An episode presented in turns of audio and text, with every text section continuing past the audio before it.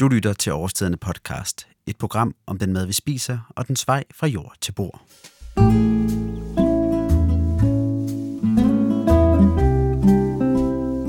Så blev det endelig forår, eller det har det nu været længe, men det er først nu, at man for alvor kan se og mærke det. Foråret det er den tid på året, hvor alt springer ud. Træerne får lysegrønne blade, det myldrer med anemoner i skovbunden, og fuglene er begyndt at synge. Foråret det er naturligvis også den tid, hvor mange af de grøntsager, som vi skal leve af resten af året, sås og plantes. Spørger man Henrik Helve Larsen, der er driftsleder på Grårup Avlsgård ved Humlebæk, hvad han forbinder med foråret, ja, så lyder svaret der også. Det er skide sjovt. Og det er det her øjeblik, vi har ventet på hele vinteren. I denne udgave skal Henrik og jeg prøve at gøre os alle sammen lidt klogere på, hvad en gartner laver om foråret. Derfor vil du i dette program høre om, hvad jorden, man planter i, betyder for kvaliteten af grøntsagerne. Og du vil også komme med i drivhuset på Bejt Skov, Årstidens Gård i Jylland, hvor Chris Russell og de øvrige gartner skal håndså ikke mindre end 74.000 jordpotter, som skal plantes ud på årstidernes smagsmarker. Som det også var tilfældet i vores tidligere podcast, Vintergartneren, er smagsmarken omdrejningspunktet for denne udsendelse – der findes en smagsmark på Bejt Skov i Jylland, og der findes en smagsmark på Krogerup Avlskov på Sjælland. Smagsmarkerne er årstidens gastronomiske og agronomiske legeplads, hvor der afprøves nye og gamle afgrøder til fremtidige smagsoplevelser og måltider. I år er det planen at dyrke 329 forskellige urter, grøntsager og spiselige blomster, som alle skal vurderes på deres særpræg og spisevenlighed. Nok snak om smagsmarken. Lad os nu komme i gang.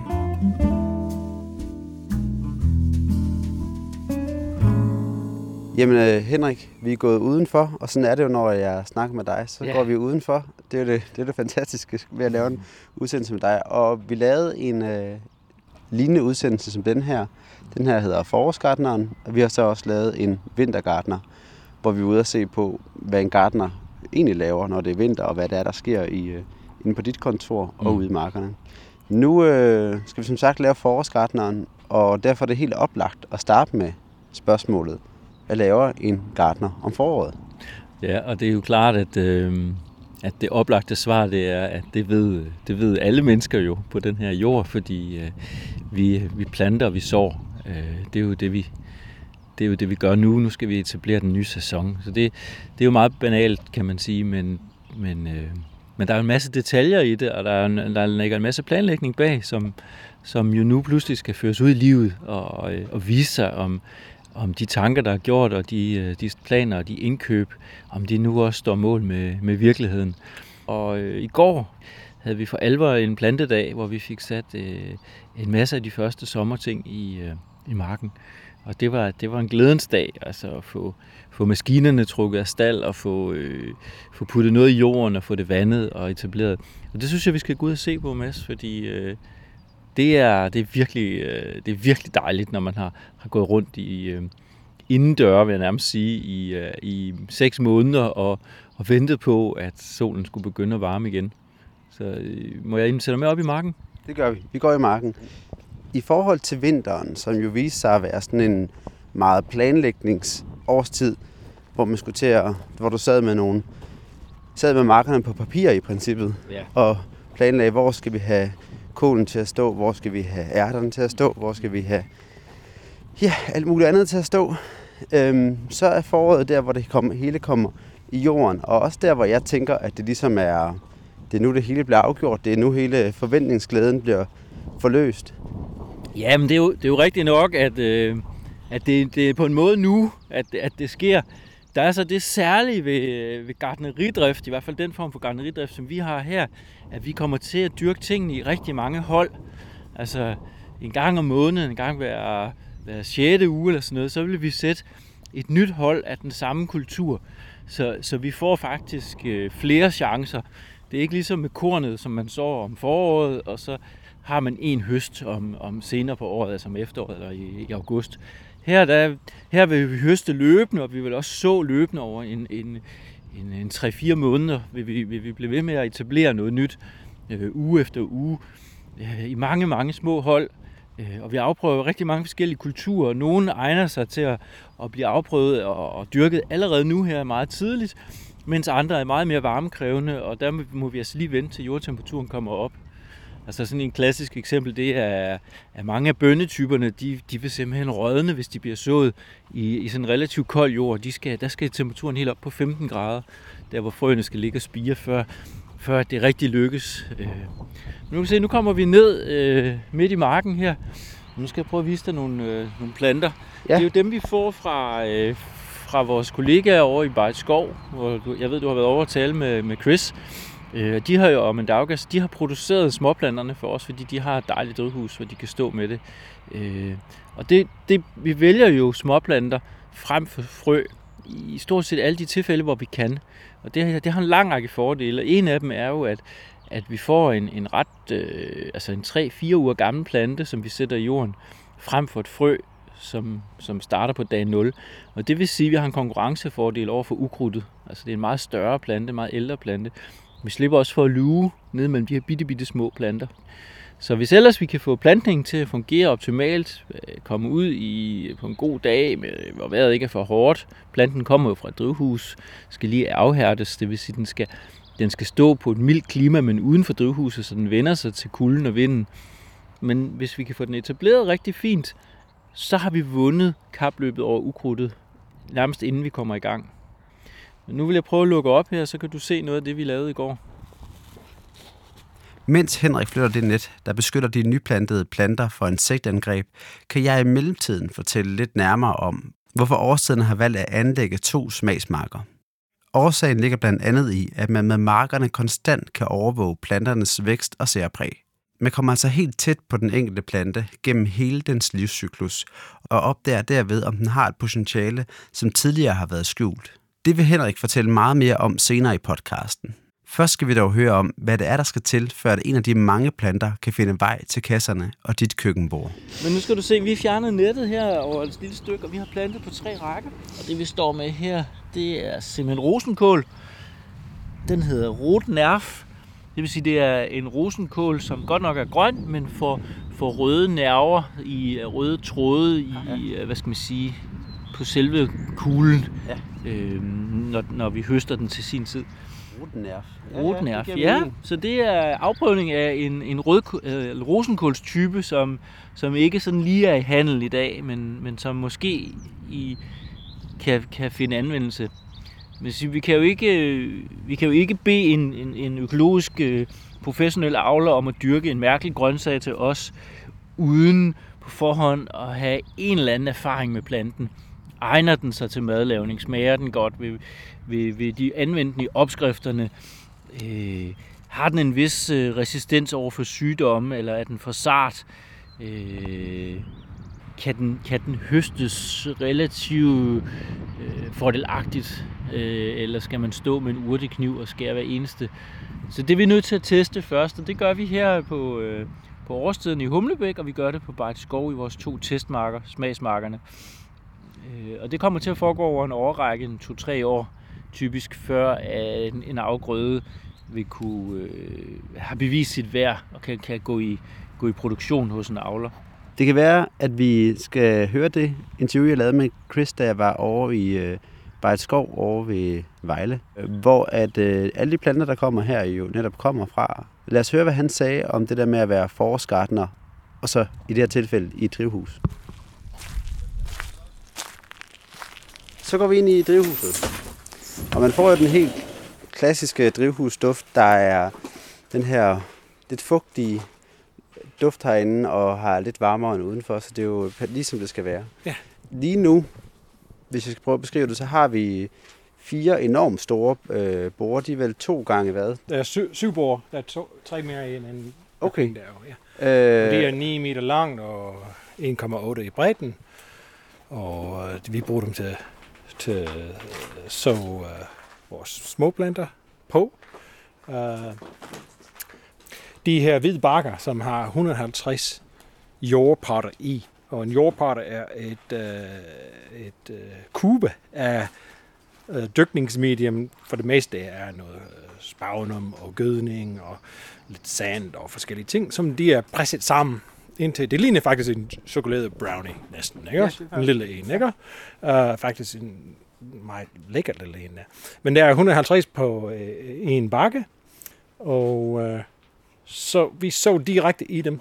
Så i stedet for, at man skal stå og stikke en lille finger ind i, øh, i tusindvis af små brikker, brownies mm. eller jord, så, så er de prikket i forvejen. Ja, de er prikket, men det er ikke så. Vi så øh, hver øh, ved hånden. Ikke?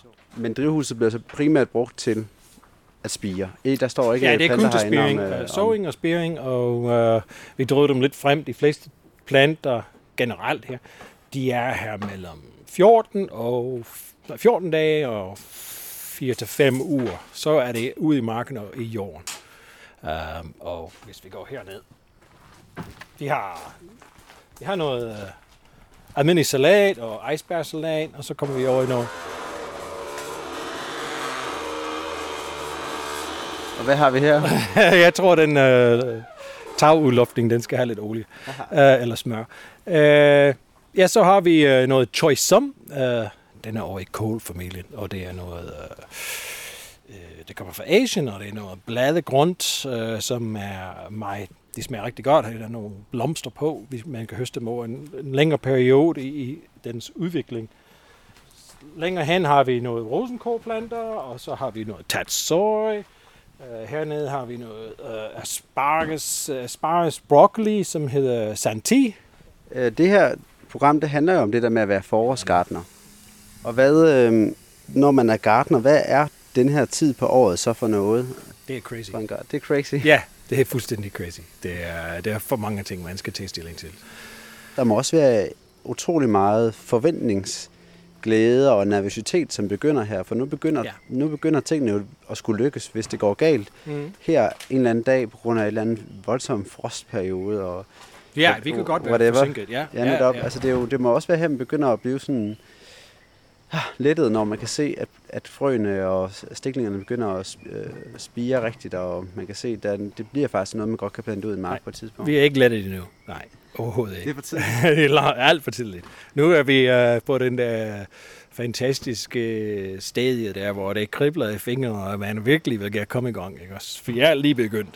Det ser ud som det er mig, men uh, så snart uh, vi begynder at, at de her planter kommer ud af huset, og vi sætter dem til krop, og vi begynder at plante, så, så er det virkelig gang i det. Fordi de, de skal i jorden, og hvis vi får masser af regn, så kan vi ikke arbejde i marken. Og vi håber, at vi får god vejr, alting kommer i jorden, som det skal. Det værste, der skal ske, det er alt for meget regnvejr. Det er ikke så godt. Så det kan være ret stressende. Ikke? Det, det er ikke sjovt. Den del, hvor planterne skal plantes ud i øh, marken, den tager vi øh, med Henrik over på Råb Avlskov. Så mm. øh, vi runder af her for Bejt Skov, og så, ja, så stiller vi om til, til Krogerup. En ting er jo selvfølgelig øh, selve planterne, men øh, den jord, som, øh, som planterne gror i, har jo ligesom også en form for cyklus. Der har også været noget arbejde med det igennem hele året, og lige nu er jorden i en, øh, forestiller mig et andet stadie, end det er om øh, for eksempel tre måneder, øh, når det bliver, det bliver sommer. Kan du lige prøve at fortælle om, hvad det er for et jordens cyklus, hvad, hvordan den ser ud? Jo, øh, Mads, må jeg, ikke, må jeg ikke lige få dig til at grave lidt i jorden med den, med den ene hånd, fordi prøv lige at mærke, hvor lækker den er. Øh, hvis du tager heroppe i overfladen, prøv at se her, hvordan det krummer. Øh, det er faktisk en ideal tilstand for, for dyrkningsjord, altså at der er krumme struktur. Øh, minder en lille bitte smule om, øh, om småkagedej, ja, som du kan få til at, øh, at krumme. Og det er jo en blanding af organiske materialer, som er tilført gennem årtusinder, og som vi som landmænd og gartnere har ansvaret for at blive ved med, hvis vi vil bevare stor jordfrugtbarhed. Så er der selvfølgelig noget sand og noget ler og en hel masse andre partikler, som er, som er grundbyggestenene i det her, en masse næringsstoffer. Og vi har jo tilført noget gødning, men vi har også tilført en masse kompost. Øh, vi producerer faktisk op mod 500 tons kompost om året her på Krogerup, som vi primært bruger til at jordforbedre vores gartneri med. Øh, så vi kører, vi kører nogle ret store øh, mængder kompost på jorden hvert år, for at øge den, øh, det vi kalder humuslaget, altså humusandelen af jorden.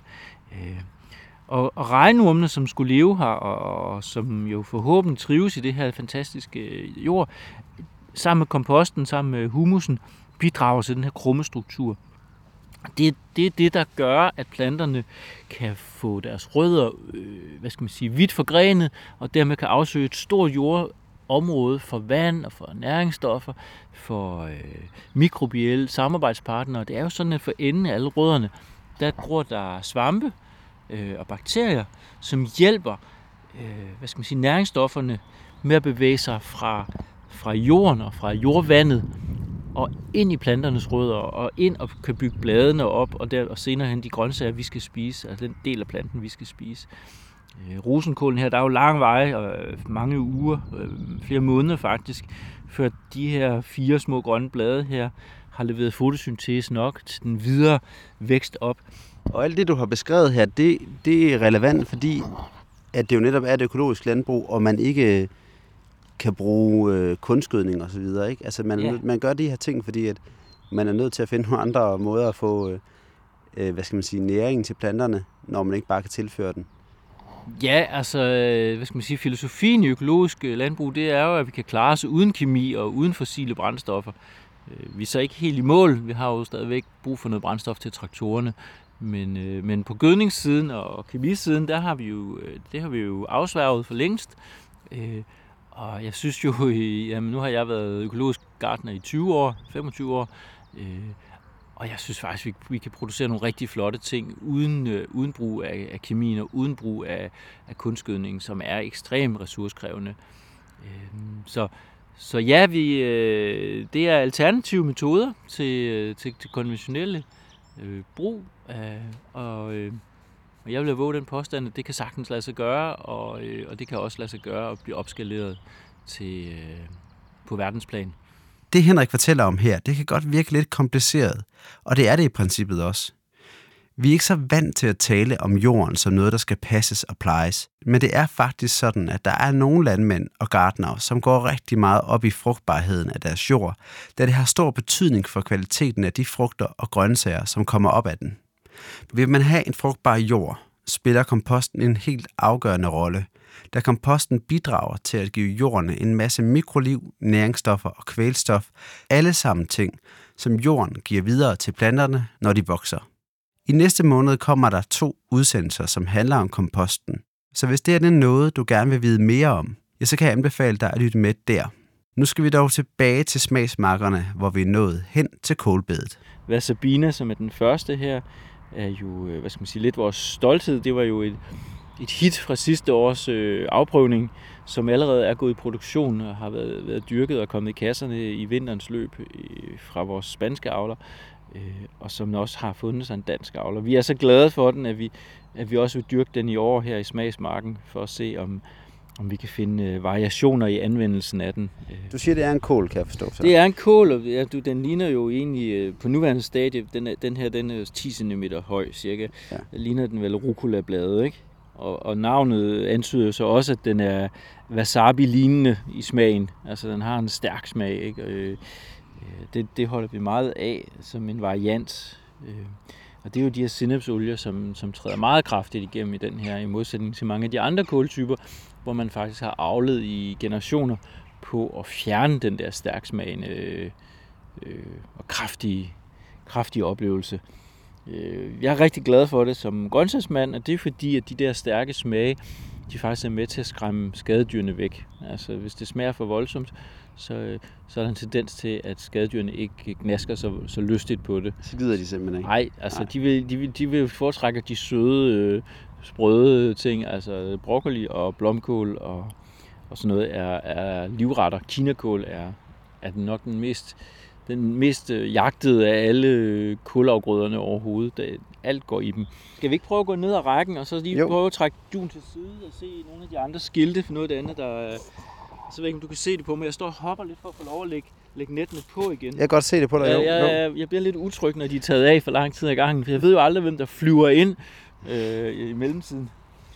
Så har vi noget her, der hedder kinesisk sinep. Vavagar choy. Og der står stem vegetable. Altså en, øh, en, en, en, en kinesisk sinepsplante, som vi ikke rigtig kender i forvejen.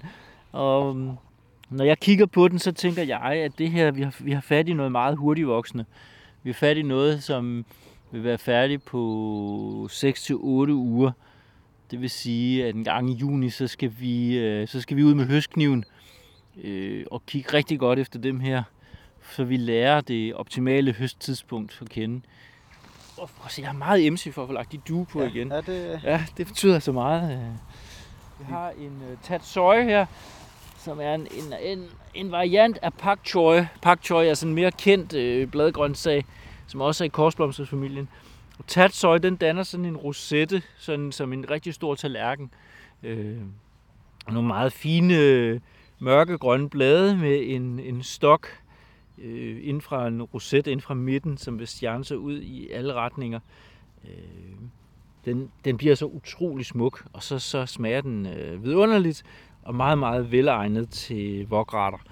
Ja, allerede nu er den jo imponerende grøn. Ja, den er jo øh, så sund, ikke? Altså, den ligner jo øh, det bedste af spinat, ikke?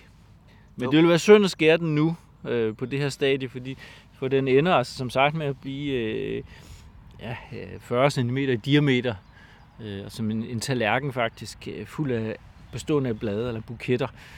Øh, helt vidunderlig grøntsag. Tatsøj og få så også i en række varianter, øh, som vi skal have prøvet af. Sidste år havde vi en enkelt slags, og blev meget, meget glade for den. Øh, Men du, du, før der kom du også ind på noget, øhm, som jo er ret relevant i forhold til netop smagsmarken og det, det arbejde, som I går og laver, det her med, at for det første plante utrolig mange øh, planter, men så også det der med at høste på mange forskellige tidspunkter. Ja. Øhm, for at finde ud af, hvornår er, hvad kan planten på forskellige tidspunkter, hvornår er den øh, bedst, øh, hvis, den, er- hvis altså overhovedet der er et Mm. tidspunkt, hvor den piker i forhold Mm. til de andre. mm. Øhm, kan du ikke prøve, hvad, hvad, hvad er ideen med det? Jamen altså, øh, man kan sige, sådan i en almindelig dyrkning, så har vi jo et høsttidspunkt. Vi kender, vi kender spidskålet, det skal ligesom være fast. Øh, Det skal have en vis størrelse, der må godt være 360-400 gram som minimum. Øh, Der er så nogle konventioner omkring, hvordan en grøntsag skal se ud øh, på en bestemt årstid. Hvor mange svøbblade må der være, og hvor skal snittet ligge og sådan noget. Men øh, i smagsmark øh, optikken, der vil vi gerne udvide det her, øh, det her vindue til at, at starte meget før. Altså baby leaf blev jo ikke opfundet, øh, hvad skal man sige, ved at, at tænke konventionelt, men netop ved at tænke ud af boksen og sige, kunne vi prøve at høste en afgrøde på en helt andet tidspunkt. Og baby leaf er blevet en- et kæmpe, kæmpe produktgruppe i dag, som vi er super glade for, og som egner sig sindssygt godt til, til rigtig meget hurtig madlavning. Øh, men det er jo i virkeligheden, øh, det er jo i virkeligheden rødbeder og spinat og salatplanter og alt muligt, som bare bliver høstet på et meget, meget tidligt tidspunkt, hvor man så har en meget stor frøforbrug, fordi den enkelte plante ikke når at blive ret stor.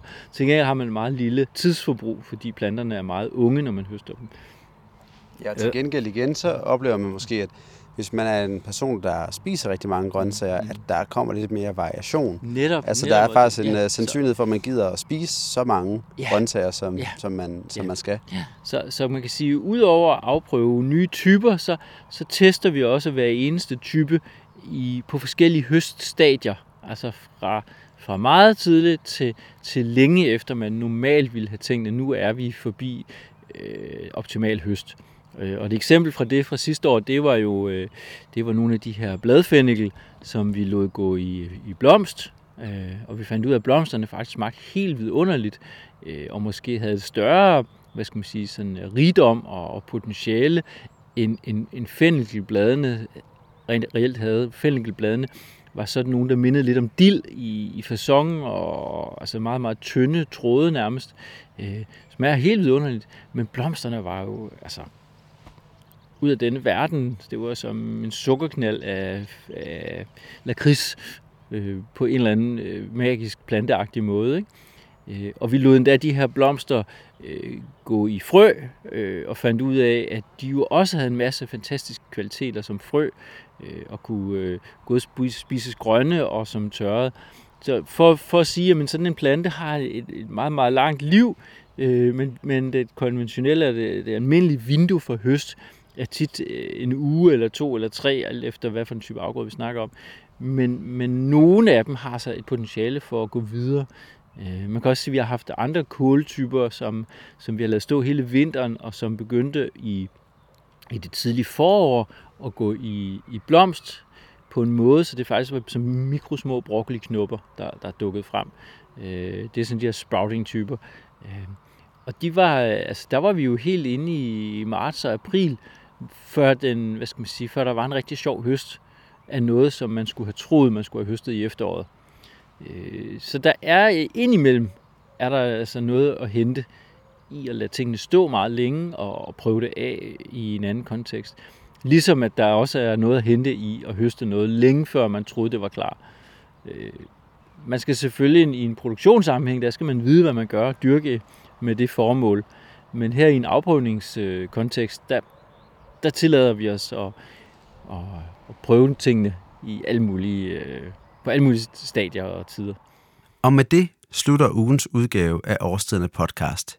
På næste tirsdag, der kommer der som sædvanligt en ny udgave af podcasten, hvor det skal handle om børn i køkkenet. Er.